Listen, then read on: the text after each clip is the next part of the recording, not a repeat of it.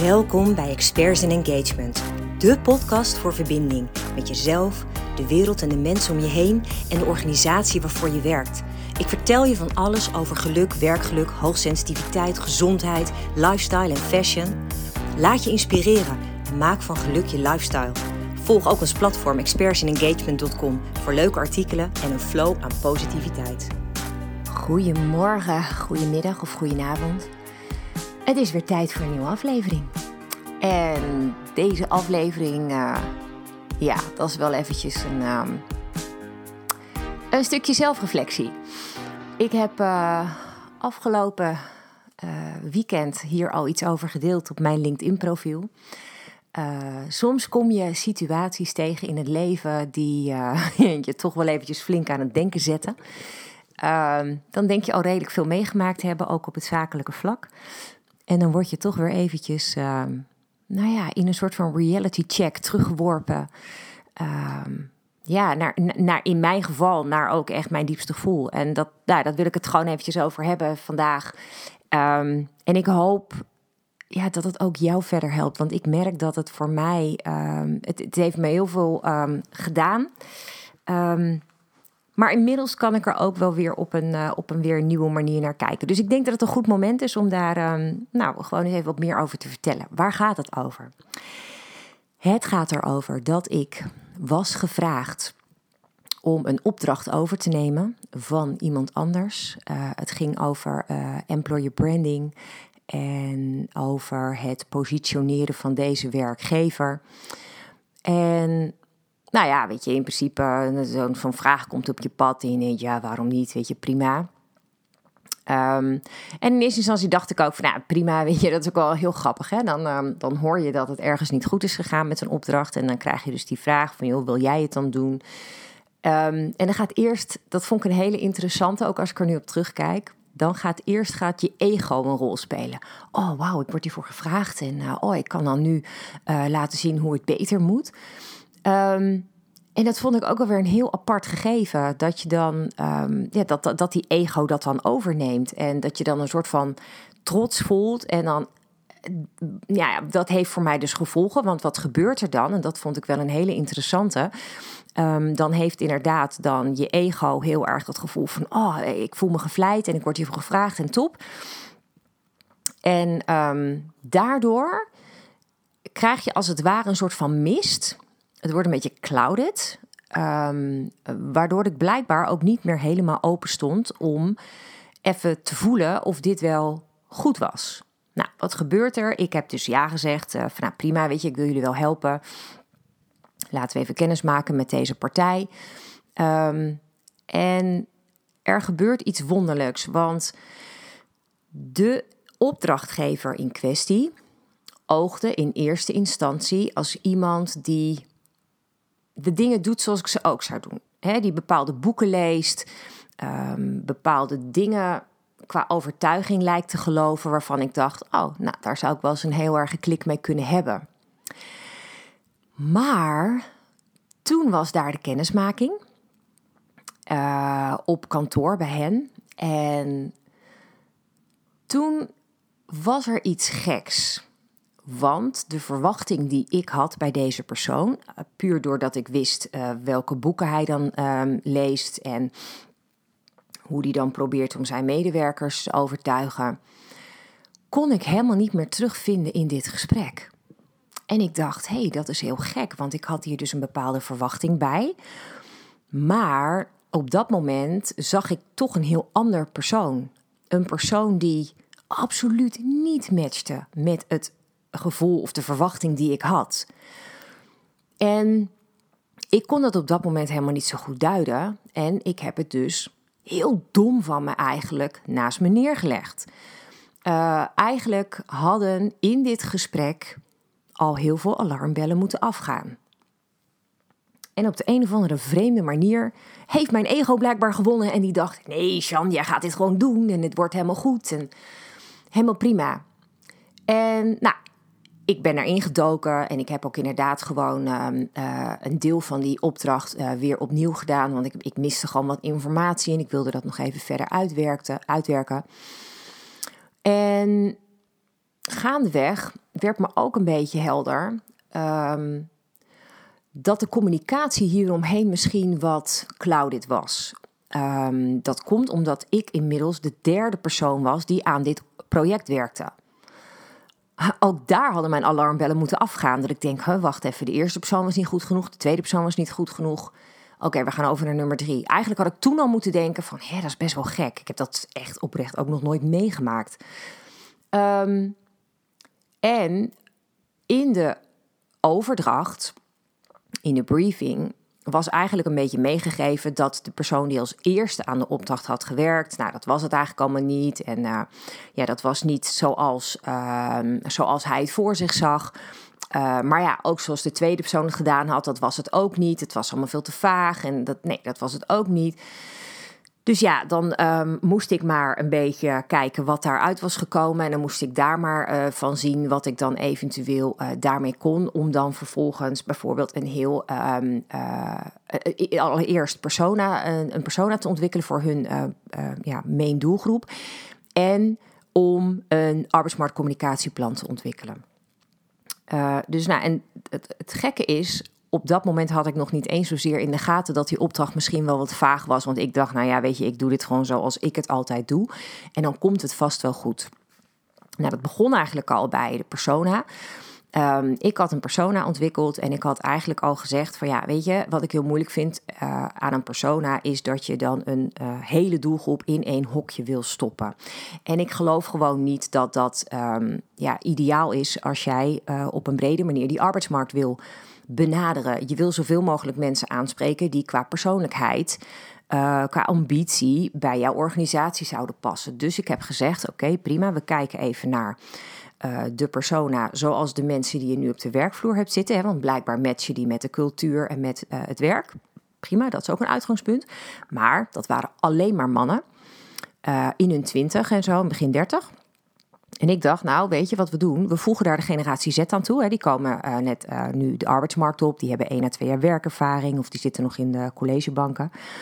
Ik denk dat dat een hele mooie is om eens na te denken over wat vindt, wat deze groep aan mensen nou belangrijk. Uh, en we voegen er een doelgroep dames aan toe.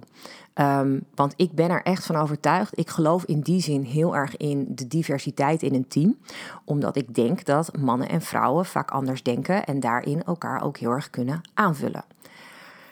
Ja, en toen kwam eigenlijk al het eerste moment dat ik dacht: jeetje, waar ben ik in beland? Ik had namelijk de, de, de persona opgeschreven. En toen kreeg ik dus te maken met een. Nou, ik denk dat het ongeveer uh, de Mount Everest aan vooroordelen was. wat ik terugkreeg van deze opdrachtgever. Want waar ging het over? Het ging erover dat bijvoorbeeld in de persona stond dat de doelgroep um, bijvoorbeeld als een van de favoriete sporten hockey had. Nou, dat is ook gewoon zo, want een heleboel goede mensen in dit vak doen aan hockey. Prima, ging over recruiters. En daarbij stond ook nog voetbal en er stonden andere dingen bij, fitness, hardlopen, er werden meerdere dingen genoemd. Maar deze persoon ging dus los op het feit dat, ja, al die pretentieuze mannetjes die dan aan hockey doen, nee, die moet ik niet binnen hebben, dat, daar wil ik me niet op richten. Daar begon het mee. En vervolgens werd dus de hele vrouwelijke uh, kant van de doelgroep eigenlijk nou, in één keer weggezet als, nou ja, dat zijn van die overgevoelige typjes en uh, ja, die kunnen niet zoveel hebben en uh, ja, die willen eigenlijk helemaal niet hard werken. En, nou, ik weet niet wat er allemaal over gezegd werd, maar het kwam er eigenlijk op neer dat de vrouwen uit de persona geschrapt mochten worden. We willen geen vrouwen binnen hebben, want het geeft alleen maar gedoe. En, nou, en vervolgens had je dan over de generatie Z. Daar was weer het probleem dat generatie Z eigenlijk, en in mijn optiek is dat helemaal niet zo gek, dat die zeggen: ja, ik, ik, ik leef niet om alleen maar te werken. Um, hè, ik werk om gewoon te kunnen leven. Dus ik hoef niet per se 40 uur ergens bij een baas te zitten. Ik wil iets meer werk, uh, werk-privébalans. En ook dat werd keihard aan de kant geschoven. Ja, je, je kan dit werk helemaal niet goed uitvoeren als je minder dan 40 uur werkt. En nou ja, dus en, en nou, dat kwam allemaal in één reactie terug op de persona die ik had aangeleverd.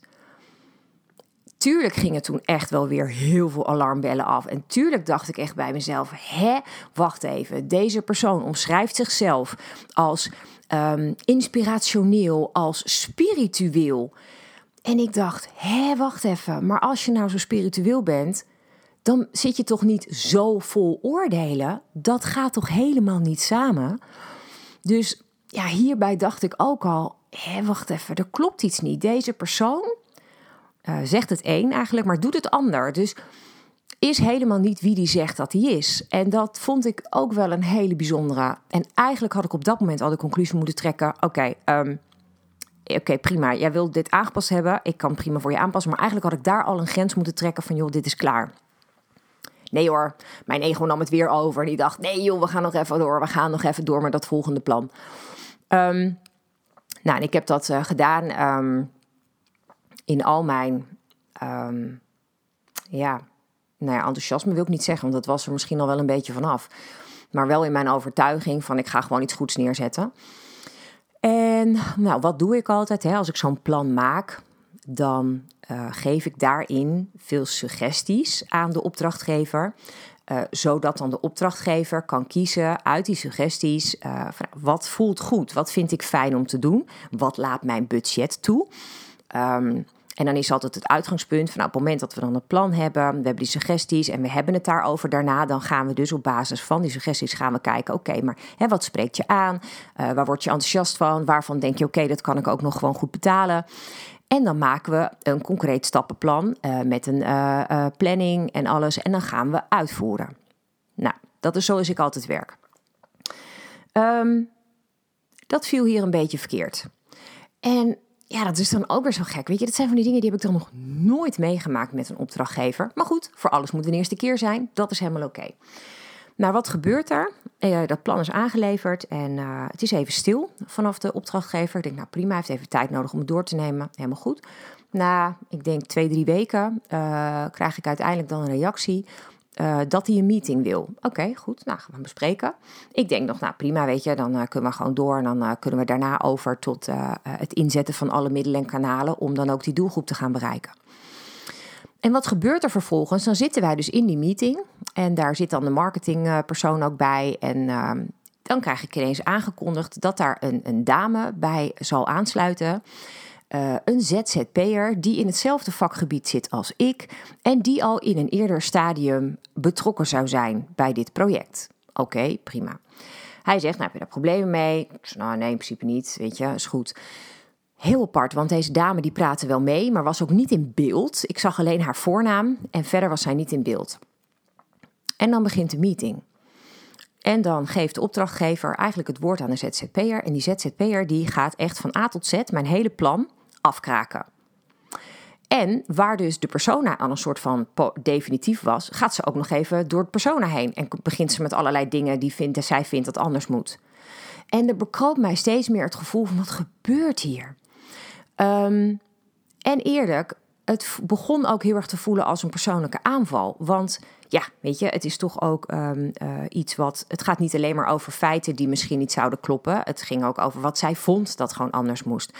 En die opdrachtgever die zat daar een beetje, beetje ja, ja, hij zei niet zoveel. En af en toe vulde hij haar dan wel bij. En, en hij begon alleen maar de hele tijd weer over de, wat hij daarvoor ook had geroepen bij die vorige opdracht, bij de vorigegene die de opdracht deed voor hem. Ja, ik heb er geen vertrouwen in. En het wordt, wordt gewoon helemaal niks. En ik weet het allemaal niet meer. En heel erg in de slachtofferrol. En uh, ja, ik, ik ben al zielig, want ik moet aan het handje meegenomen worden. En um, ja, weet je, jij bent toch de expert. En ik probeerde uit te leggen, veel luister, ik geef gewoon altijd suggesties. En dan is het de bedoeling dat we juist in zo'n meeting als dit komen tot concreet. hey joh, waar voel je het aangesproken? Wat gaan we doen? En dan gaan we tot verdere plannen. Maar ik, nou, ik kreeg niet eens door. Dat, dat, dat, wilde die niet horen. En dat wilde die ZZP'er ook niet horen. En nou, toen werd er alleen maar ongeveer gezegd dat ongeveer dat hele AMC-plan opnieuw moest. Um, en wat ik dan allemaal wel erin moest hebben staan. En en ik dacht echt, ja, wat gebeurt hier? Dit is. Oh, het voelde zo verkeerd. En ik voelde me zo ook in het nauw gedreven. Ik zat daar in mijn eentje tegenover drie van de andere partij. En ik heb me weinig zo onheus bejegend gevoeld. En ik kreeg er echt een ongelooflijk rot gevoel bij. Nou ja, zoals ik op uh, LinkedIn ook schreef, en zoals, als je vaker luistert, dan weet je dat ook wel. Ik ben dan ook nog zo lekker hoogsensitief. Ja, waarbij dat dus nog een keer drie keer harder aankomt. Juist omdat het heel persoonlijk ging voelen op een bepaald moment. En het voelde ook heel onrechtvaardig. Ik dacht echt, jeetje, jullie hebben me in een soort van meeting gelokt. Uh, met voorbedachte raden om mij helemaal af te maken hier. Um, ja, ik, hoe had ik hier in vredesnaam op kunnen voorbereiden? En dan zegt die ZZP'er dus ook nog doodleuk aan het einde van het gesprek... ja, ja, het was niet persoonlijk bedoeld hoor. En ik denk, in vredesnaam, wat wil je daar nou echt nog mee zeggen? En ik heb dat ook een beetje weggelachen, zo van, joh, het zal wel wat je nu zegt. Ik heb die meeting afgesloten. Ja, en dan begint bij mij pas, dan gaan die radertjes gaan draaien in mijn hoofd. En dan probeer ik voor mezelf te bevatten wat er dan net gebeurd is. En ik probeer heel erg te bedenken van, goh, hè, wat, wat, wat is er gezegd? En dan probeer ik ook aan de positieve dingen te denken. Want ze had een punt waar ze zei dat mijn boodschap, um, zoals ik hem naar buiten wilde brengen voor deze organisatie, niet zo spot-on was. Nee, dat klopt. Het grappige was ook dat ik, ik had het gevoel gewoon niet bij de organisatie. En op de een of andere manier is dat inderdaad daarin terug te zien geweest. En daar had ze volledig gelijk in. En dat is ook echt zo. En die boodschap die kon veel scherper en die kon veel onderscheidender. Absoluut, helemaal eens. Um, dus daar absoluut had ze een punt. En ik vind ook, als je zakelijk naar zoiets kijkt, hè, dan, dan moet je dat altijd ook voor jezelf kunnen, um, uh, kunnen accepteren. Moet je kunnen zien van ja, shit, ja, daar hadden ze gewoon na het gelijk in. Ik heb daar het gewoon niet, ik heb daar steken laten vallen. Punt, is gewoon een feit. Alleen, het punt was, dat was één grote steek die ik liet vallen. Wel een belangrijke, absoluut. Maar al het andere daaromheen was gewoon echt wel kwalitatief werk. Daar sta ik 100% achter. Behalve achter die boodschap. Absoluut eens. Um, en toen bekroop mij het gevoel, mijn intuïtie was echt overuren aan het draaien. En die zei tegen mij: Er klopt iets niet aan dit verhaal. Er klopt iets niet aan het feit dat deze derde persoon hier ineens bij was en wie zij dan is en wat haar rol is. Zij had een opvallende voornaam, dus ik dacht: oké, prima, ik ga eens even googlen. Ik ga haar voornaam googlen en in de combinatie met Employer Brand Specialist, want zo werd ze aangekondigd. En binnen no time had ik gevonden wie ze was. En toen bleek dat deze dame als Employer Brand Specialist verbonden is aan een van de grootste concurrenten van de partij met wie ik dit samen deed. En toen dacht ik, wacht even, dit is echt niet fair. Dit is zo niet zoals je zaken hoort te doen. Um, en daarnaast bleek dus dat dit de persoon in kwestie was die het eerste deel van het project gedaan had. Zij had ooit de start gemaakt. Dat was de dame waar hij dus aanvankelijk heel veel kritiek op had dat het allemaal niet goed was. En ineens werd hij er dus weer bijgesleept. Een heel raar verhaal. En ik had ook nog tijdens de meeting gevraagd: um, heel erg teruggegeven. Van joh, hè, ze zat met mijn hele uh, plan te bashen en, en uh, zij wist het allemaal beter. En, en die opdrachtgever die was haar heel erg aan het ophemelen. Van ja, haar ding was spot on. En, en toen zei ik nog, ik zeg maar even hoor. Ik zeg op het moment dat zij dit nou zo goed gedaan heeft. Waarom ga je dan niet met haar door in deze stappen? En toen kreeg ik een of ander vaag verhaal over dat daar geen capaciteit bij haar voor was ja, dat, dat, dat klopte al niet bij mij. Toen dacht ik, dit, dit, dit is gewoon een vaag verhaal. En nou, dan, dan gaat dat bij mij dus draaien. En ik heb dus dat hele weekend, oh man, ik heb er zoveel momenten over nagedacht. Gewoon omdat het ook heel fout voelde wat zij deden. He, met z'n drieën tegen één. En dan de manier waarop vooral echt super onsensitief. Um, en dan ook nog een, een soort van valse partij dus erbij halen. Die notabene gelinkt is aan een concurrent. Alles daaraan was fout in mijn optiek. Alles was een soort van onrechtvaardig. Het, het klopte gewoon niet. Dus daarom moest ik die zondag um, echt eventjes mijn gevoel daarover kwijt. Ik heb het op papier gezet. Dat heb ik toen vervolgens gedeeld op LinkedIn. En ik kreeg echt zo ongelooflijk veel bijval van mensen die de situatie ook wel herkenden. Als in hè, dat je je zo onheus bejegend kunt voelen. En dat dat iets met je doet. Dat het je raakt. En nou is het allermooiste dat uit zo'n situatie ook weer iets heel moois voortkomt. Want ik heb er daardoor onwijs mooie gesprekken met mensen over gehad. Onder andere voor de opdrachtgever voor wie ik deze opdracht uh, deed. Hè, de, degene die, ja, het is een beetje ingewikkeld wat ik nu zeg. Ik deed het voor een bureau. En um, dit bureau um, bestaat uit ook allemaal um, specialisten op hun eigen gebied. En die hebben nu even mijn expertise ingeroepen. En ik heb echt met deze mensen ook fantastisch mooie gesprekken gehad hierna. Ehm, en ja, dat is dan ook heel erg mooi als je ziet wat er dan dus gebeurt.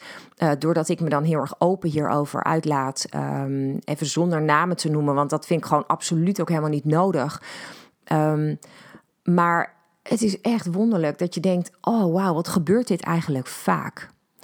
En ik vind hem heel lastig, want ik probeer juist altijd niet zo heel erg veel oordelen te hebben. Ik wil juist altijd meer, nou ja, een beetje de compassie zoeken in bepaalde situaties. En ik heb echt mijn best gedaan hier, maar ik vond het heel erg moeilijk om dat te vinden voor deze specifieke opdrachtgever, voor deze uh, persoon. Um, nou ja, die dus zo in, in zijn eigen waarheid zat. En waar op zich helemaal niks mis mee is. Hè? Want we hebben allemaal ons eigen perspectief op het leven. En dat is gewoon echt helemaal oké. Ehm, maar ik vond zijn manier van handelen hier gewoon echt niet oké. Dus nou, ik heb dit maandag opgepakt met mijn uh, uh, vaste persoon van het bureau. Even over gesproken van joh, dit en dit uh, is er allemaal gebeurd. En nou, zij schrok daar best wel van heeft vervolgens intern daar ook over gesproken van jongens, hoe gaan we hiermee om? Heeft, zij heeft vervolgens contact gehad de dag erna met de bewuste opdrachtgever. Uh, om dan wel, en dat vond ik wel heel netjes, om ook zijn kant van het verhaal te horen van deze, uh, hoe deze meeting gegaan was. Maar ook om hem te confronteren met: hey, wat raar dat jij zomaar een, een, een concurrent erbij aan tafel zet. E-, een van onze grootste concurrenten. What were you thinking? Weet je dat idee? Um, nou, en ik denk dat de opdrachtgever in kwestie dus niet zo blij was met het feit dat hij dus geconfronteerd werd door haar met hoe die meeting was gegaan en hè, dat, dat hem gevraagd was van joh, uh, wat is er gebeurd? Um, ook in, die, uh, in dat gesprek heeft hij blijkbaar ook uit, naar haar uitgesproken hoe uh, beroerd ik al mijn werk gedaan zou hebben. En echt nul zelfreflectie naar dat hij misschien ergens een puntje had laten zitten. Um, en um, vervolgens, ik zat in een meeting bij een van mijn opdrachtgevers en ik zie dus mijn telefoon overgaan dat die opdrachtgever mij probeert te bellen. En ik voelde aan alles, um, nee, ik moet deze ook niet opnemen en ik moet ook even niet terugbellen. Dus ik heb uh, na mijn meeting heb ik uiteindelijk contact opgenomen weer met de dame van het bureau om even te vragen van, hey, uh, joh, uh, hij, hij belde mij, um, weet jij waarom? En toen kreeg ik inderdaad te horen dat zij me inmiddels gesproken had. Dus hij had waarschijnlijk mij opgebeld om nog eventjes flink zijn ongenoegen te uiten naar mij. En ik dacht, ja, zoek het even uit, maar daar zit ik gewoon helemaal niet meer op te wachten. Inmiddels hebben we ook besloten om niet met deze opdracht door te gaan. Um, omdat het gewoon, ja, ik, zoals ik op LinkedIn ook al zei, het is een soort verloren zaak. We stonden al met 3-0 achter toen we begonnen. Um, het is een partij voor wie je het gewoon niet goed kan doen. En daar verlies je heel veel energie op. En dat vind ik ook wel weer heel mooi aan, um, aan het zelfstandig werken. Um, dat je dan ook gewoon je gevoel kan volgen. Dat je bij jezelf kunt denken: dit levert mij niks op dan negativiteit. En dan moet je soms een keuze maken die misschien niet de meest populaire keuze is, maar die wel op dat moment de juiste is. En als je dan ook merkt hoeveel rust dat geeft, ja, dat is, dat is echt ongelooflijk. Dat is zo ja, uplifting ineens. En het heeft me deze week wel echt heel veel aan het denken gezet. En het, weet je wat het grappige is? En dat vond ik ook wel heel erg mooi. Dat, um, ik zei toevallig gisteren tegen Dennis: van joh, als het mij dit drie jaar geleden, vier jaar geleden was gebeurd, dan was ik ongelooflijk aan mezelf gaan twijfelen. Nu kan ik het heel erg zakelijk zien en kan ik ook heel erg gewoon zien voor wat het is. Oké, ik heb één onderdeel van dit stuk niet goed gedaan, maar de overige, zeg in ieder geval 80, 85 procent, was echt goed, was echt van kwaliteit. En ik kreeg die bevestiging gelukkig omdat ik eigenlijk een soortgelijk plan gisteren presenteerde aan een andere opdrachtgever, waar ik wel echt lekker in de organisatie zit, waar ik wel echt de organisatie voel en ook voel dat het authentiek is. En wat het verschil dan ook is in ontvangst. Um, dat ik wel spot on zit met alles. En dat ze wel gewoon echt denken: ja, dit is het. Oh, dit voelen wij ook. En dat was ook alsof dat zo moet zijn. Dat je dan ook tegelijk dus de bevestiging krijgt van joh, weet je, je kan je nu helemaal gek laten maken door één partij um, die dingen gewoon anders ziet dan jij. Dat kan. Uh, maar je kunt inderdaad ook kijken naar, hé, maar hoe zit het dan in alle overige situaties? Want daar krijg ik wel alleen maar hele fijne reacties terug. En dat mensen heel erg blij zijn met wat je hebt opgeleverd. En dat ze ook zich er heel erg goed in kunnen vinden. En dat helpt mij dan ook wel weer, want dan, merk ik gewoon dat ik denk, ja, weet je, ik moet gewoon dicht bij mezelf blijven. Deze partij was gewoon echt duidelijk niet mijn match. Uh, en ja, weet je, dat, ik zie dan kanten waarvan ik denk, ja, daar wil ik ook eigenlijk verder van blijven in mijn privéleven, maar ook zakelijk. Het zijn gewoon niet um, mensen waar ik dan bijvoorbeeld de energie van krijg. Uh, en dus inderdaad, waar ik ook niet het gevoel heb dat ik ooit überhaupt echt iets kan bijdragen, omdat toch niks. je wordt dan weggezet als expert en vervolgens wordt er toch niks van je aangenomen. Dus ja, weet je, dan denk ik ook, nou ja, dan is het ook gewoon klaar wat mij betreft. En dat vond ik ook wel weer heel erg mooi dat ik dan denk, ja, weet je, je kan inderdaad die vrijheid gewoon zelf pakken. Je bent in dit geval ook um, verantwoordelijk zelf voor jouw geluk hierin. Weet je wel, um, ik had inderdaad hier. Um, ja, uh, een soort van slaafs alles weer kunnen aanpassen zoals deze persoon in kwestie dat wilde. Had gekund. Was in eerste instantie ook gek genoeg mijn, mijn idee. Dat ik dacht, nou weet je, het is me eer te na. Ik ga dit gewoon helemaal rechtzetten en ik ga het gewoon en ik was eigenlijk ook heel blij dat ik dat eventjes nog niet deed. En dat ik gewoon eventjes het weekend er ook over na heb gedacht. En maandag dat gesprek heb gehad met mijn contactpersoon van het bureau. En dat wij ook bij elkaar eh, eigenlijk allebei zeiden van ja, maar weet je, um, dit kunnen wij toch nooit goed doen. Wat we ook gaan doen nu nog, dat, dat gaat hem gewoon niet meer worden. En um, nou, dat is ook gewoon een mooi gegeven. Dat je dan dus dat kunt zien. En ja, het, toen dacht ik wel van, ja, weet je, ik wil nog steeds niet een onwijs oordeel hierover hebben. Het enige oordeel wat ik heb, of de enige mening die ik heb, is dat we gewoon niet bij elkaar pasten. Dat die match er niet was. En dat ik um, mezelf daarin wel, uh, ja, kwalijk nemen is een groot woord, maar dat ik wel bij mezelf dacht. Oh man, ik had dit gewoon eerder moeten aanvoelen. Want ik voelde het eigenlijk al eerder. Ik wist het eigenlijk al. Ik wist het bij de eerste kennismaking al ik voelde wel iets, alleen ik heb het genegeerd. En dat is zo grappig, want ik heb het al heel vaak gezegd. Maar op het moment dat je intuïtie uh, nee, negeert, dan gaat het gewoon mis. Dan ga je een keuze maken waar je uiteindelijk niet happy van wordt. En dat heb ik dus hier gedaan. Ook wel weer grappig, want je krijgt direct gewoon karma, hoppakee, right back at je. Um, jij doet niet wat je intuïtie zegt. Oké, nou dan zou je hem voelen. En nou, dat was ook gewoon zo, weet je. En ik ben er ook echt wel een soort van verdrietig, gekwetst van geweest. Maar dat zat meer in de aanpak Um, helemaal niet omdat ik aangesproken word op een fout, maar meer de manier waarop. En dat was ook wat ik heel erg deelde in mijn boodschap op LinkedIn. En dat is wat ik heel erg uh, mis in de, in de wereld om me heen op dit moment. Dingen zijn zo hard. Mensen communiceren keihard. Er zit nul compassie. Um, mensen denken niet meer na over hoe ze dingen formuleren.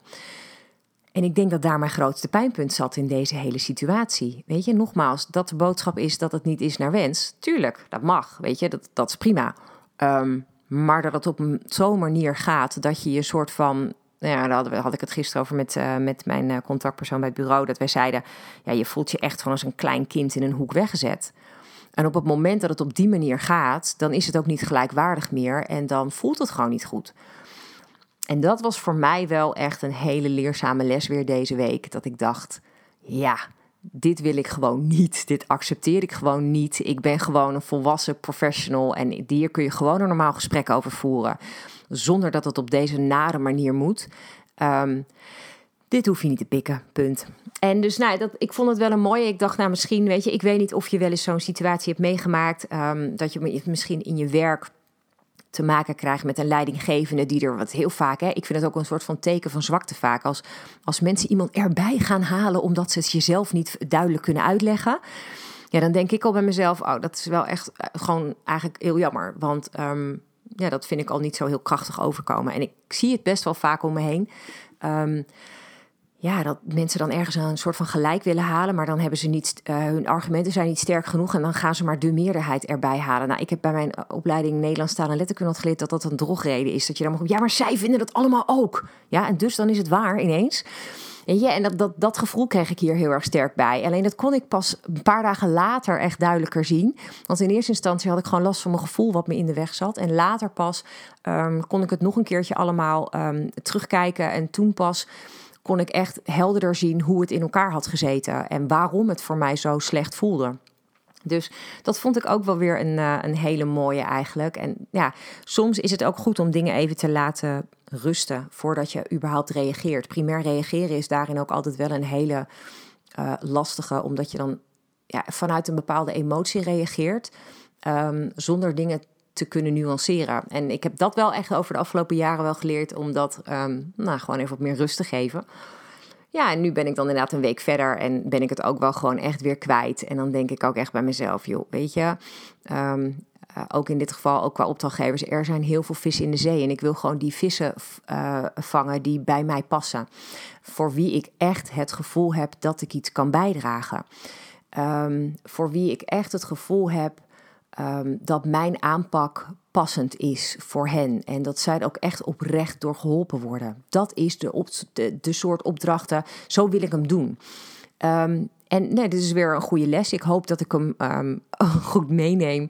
En ook heel erg zelf bij een volgende situatie, als ik nog een keer zo het voelen, wel beter naar mijn intuïtie luister en niet nog een keer dit ga doen. Dus het is ook nog een keertje van mij om jou op het hart te drukken. Oh, alsjeblieft, luister naar die intuïtie. Als dat stemmetje van binnen zegt: Dit is niet een goed idee. Luister dan en ga dan niet um, je ego alleen maar volgen dat het zo fantastisch is dat je dit mag doen. Nee, echt. Oh, ik, ik vond hem weer zo overduidelijk en ik dacht, nou, die wil ik gewoon nog wel eventjes delen. Um, ook omdat dit voor mij weer een ongelooflijk rijke les is. En dat is, dat is ook wel weer prima, weet je. Um, ja, dan heb je er een paar nachten een beetje van wakker gelegen. Ja, dat is dan maar zo. Maar um, ja, het brengt me ook wel weer verder. Het, het, het, zorgt weer dat je groeit op een bepaalde manier. En daar ben ik dan ook wel weer heel erg blij mee. Dus uiteindelijk, en dat is dan wel gek, hè, dan kan je ook weer dankbaar zijn voor zo'n situatie. Is ook echt heel maf. Maar dat is wel hoe ik, het, hoe ik de wereld heel erg kan bekijken. Um, en dan gaan we gewoon weer door. Dus nou ja, ik hoop dat. Nou ja, misschien dat je iets in herkent. Uh, dat je denkt van, nou ja, hè, hier kan ik ook mee. Of dat je in ieder geval denkt, oh ja, die intuïtie, hmm, toch maar eens een beetje beter naar luisteren. Ik hoop dat het je iets, uh, iets, iets moois brengt. En verder wil ik je gewoon weer heel erg danken dat je er was. En um, ja, denk je van hé, hey, uh, ik heb ook iemand die dit heeft meegemaakt in mijn omgeving en die zit daar ook mee. Alsjeblieft, deel mijn aflevering. En waar ik ook onwijs blij van zou worden, is als je uh, de aflevering een, uh, een mooie waardering wil geven. hey, dank je wel weer en tot snel. Dank je wel voor het luisteren. Inspireert het je? Wil je dit dan alsjeblieft delen met de mensen om je heen? Of geef de podcast een beoordeling door gewoon simpelweg op de sterren te klikken. Zo bereik ik nog meer mensen en kan ik de wereld om ons heen wat lichter maken.